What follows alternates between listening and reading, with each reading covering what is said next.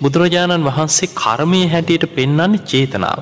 චේතනාහම් භික්කවේ කම්මං වදාමි කියන. චේතනාවයි කර්මය. චේතයිත්වා කම්මං කරෝති කායන වාචාය මනසා. චේතනා පහල කරලා අපි කර්ම රැස් කරනවා කායෙන්. අපි චේතනාව පහල කළ තමයි කයින් ක්‍රියා කරන්න. ඊළඟට චේතනා පහල කළ තමයි වචන කතා කරන අපි කතා කන මේ හැම වචනයකටම පෙර හිත ඇතුළේ සකස් වෙන එකට ධර්මය කන විතක්ක විචාර කියලා. චේතනාව සකස් වෙන. මනසා අපේ හිතෙන් හිතනවා ඒ කතා කරන්න යන දේගැන හිත ඇතුළේ ඊට පෙර සකස් වෙනවා. එතකොට මෙන්න මේ චේතනාව තමයි කර්මය. ක්‍රියාව නෙමේ ක්‍රියාවට පෙර ක්‍රියාව සිද්ධ වෙන චේතනාවක් එක්ක. එතකොට චේතනා පහල කරලා අපි හිතෙන් හිතනකොට චේතනා පහල කළ වචන කතා කරනකොට චේතනා පහල කළ ක්‍රියා කරනකොට මේ චේතනාව තුළ තමයි කර්මි චේතනාහම් භික්කවේ කම්මං වදා. එතකොට චේතනාවමයි කර්මය ඒ විදිහට අපි රැස් කරගන්න කර්ම පුුණ්‍ය සහගත කර්ම කරනකොට පුුණ්‍ය කර්ම රැස්වෙන. අකුසල් කරනකොට අකුසල කර්ම රැස්වෙනවා දැන් ඒ නිසා තමයි සිත කය වචනය කියෙන තුන්දොරීම පින් කරන්නත් පුළුවන් තුන්දොරීම අකුසල් කරන්නත් පුළුව. දානයක් ගැන වුණත් දානි ගැන හිතන්න හිතන්න දානමේ චේතනා හිතේ පහළ වෙන. ඒ දානි ගැන කතා කරන්න කතා කරන්න වචනය තුළින් දානයක් උදිසා චේතනා පහළ වෙලා කර්ම රැස්සෙන. ඊළඟට දානය දෙනකොට දානයට සූදානන් වෙනකොට තමන්ගේ කයවෙහෙසීම තුළ චේතනා පහල කරලා මේ සිතකය වචනය කියෙන තුන්දොරින්ම දානයක් වෙනුවෙන් කර්ම රැස්සෙනවා. දැන් ඒ තුළ ප්‍රබල කර්ම හැටියට ගත්තහම කයින් කරන අකුසල් තියෙනවා ප්‍රාණගාත හොරකං වැරදිකාම සේවනේදින් ආදී කායිකව සිද්ධ වෙන බරපතල අකුසල් තියෙන. වචනෙන් ගත් අකුසල් හැටියට ගත්ත බොරු කේලම් පරුස වචන හිස් වචන යෝ වචනයෙන් රැස්වෙන අකුසල්. ඉළඟට මනසින් ඉරිසියාව දවේශය වෛරය අනුන් නැසේවා කියලා හිතනේ අනුන්ගේ දේවල්ලට ලෝභ කරනේවා මිත්‍යා දෘෂ්ටිය මේ වගේ මනසෙන් රැස්වෙන අකුසල් තියෙන. එතකොට මේ කර්ම තුළ මේ විදිහට රැස් කරන අකුසල් තුළ කෙනෙක් හිතන්න පුළුවන් මේ පින් කරන්නෙත් නැතුව පව් කරන්නෙත් නැතුව හිටියොත් මේ කර්ම ඉවර වෙනවානේ පිනේ විපාකත් විපාකදීලා ඉවර වෙනවා. අකුසල්වල විපාකත් විපාකදීලා ඉවර වෙන එතකොට පින් පව් කරන්න නැතුව හිටියොත් එහෙනම් සසර රැස්වෙන්න නතකොට නිවන් දකින්න පුළුවන්. එහෙම හිතෙනවා. හැබැයි අපිට එහෙම ඉන්න බෑ.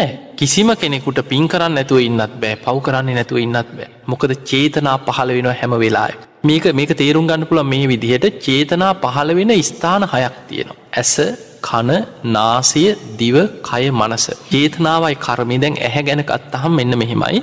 ඇහැට රූපයක් පේන්න නම් ඇහැයි රූපයයි විඤ්ඥාන එකතු වෙන්නටොට ඒ අපි ධර්මය කෙන ඇහෙ ස්පරසය කියලා. ඒ ඇහැට රූපයක් පේනකොට ඒ පේන රූපය ගැන විඳීමක් ඇතිවෙනවා. ඒක තමයි ධර්මය වේදන අවේදනාව පාදානස්කන්දී. විඳින රූපය හඳුන ගන්න එකට අපිකෙන සංඥාව. මේක පුද්ගලේද්ද ගහද්ද ගලද්ද නිල් පාටත රතු පාටද ඒ හඳුනගන්නි සංඥාව. ඒ හඳුනගන්න දී ගැන චේතනාවක් පහළ වෙන ඒකට කෙන සංස්කාර අන්නේ චේතනාව තමයි කර්මයක් වෙන්න. එතකොට ඇහැට පේන රූප ගැන චේතනා පහල කරනවා එක තමයි රූප සංචේතනා. ඒක කර්මයක්. කනට ඇහෙන සබ්දය ගැන චේතනා පහල කරනවා සබ්ද සංචේතන.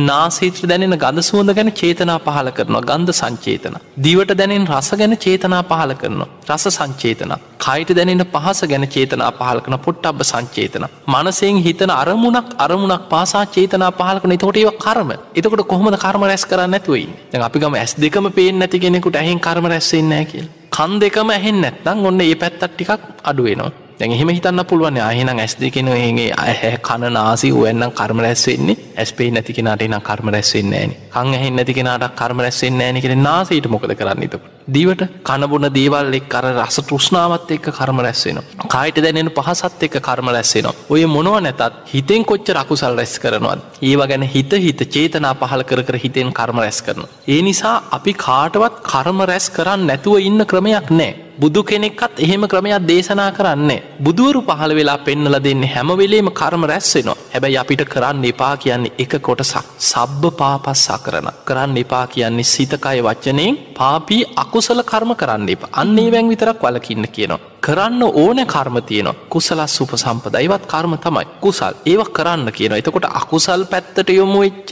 පාපි අකුසල කර්ම කරන්න එපා. කර්ම කරනවා නං සිතකය වච්චනෙන් චේතනා පහල කරලා කුසලස් සුප සම්පදා කුසල් පින් ඒ කර්ම රැස් කරන්න. සචිත්ත පරියෝධපන. ඒකත් කර්ම. භාවනා කරනකොටත් පහළ වෙන්න කර්ම. එටකෙනවා ආනින්ජාවි සංස්කාර කියල. දිහාන භාවනා කරනකොට හිත තුළ පහළ වෙන කර්ම. ඒව රැස් කරන්න සචිත්ත තමන්ගේ හිත දමනය කරන්න භාවනාව තුළත් කර්ම රැස්වෙනවා. එතකොට මේ විදිහට කර්ම රැස් කරනකොට අපි සීල සමාධි ප්‍රඥා හැටියට මේ නිවන් මාර්ගයේ තුළ කර්මය ප්‍රහාණය කිරීම පිණිස යන මාර්ගයක්. ඒ ආර්යෂ්ඨානික මාර්ගය පෙන්න්නන්නේ කම්ම නිරෝධගාමනී ප්‍රතිපදා. ඒ විදිහට ධර්මය වඩලා කෙනෙක් නිවන් දැක්කට පස්සේ රහතන් වහන්සේලා ගැන කියන්නේ පුුණ්්‍ය පාප පහහි නස්ස නත්ති ජාගරතෝ බයන් කියනවා. පින් පව්වල විපාක දෙන්න පරිසරයක් නෑකෙන ඉප දෙන්නේ නැත්නම් පිනේ විපාක දෙන්න තැනකුත් නෑ පවය විපාක දෙන්න තැනකුත් නෑ ඉපදීම නැති කරගන්න. ඒ අරෙන්න අපි ඉපදනවනං අපි යම් තැනක ඉපදිලා ඉන්නවනම් අපිට ඇස කණනාසේ දිවකය මනස තියෙනවා කියන්නේ අපිට හැට රූප පේනවා කියන්න පේන රූපත් තුළ චේතනා පහල කරනවා කියෙන කර්ම රැස්සෙන. අපේ හිත තුළ රාගදේශ මොහ තියෙන තාක්කල්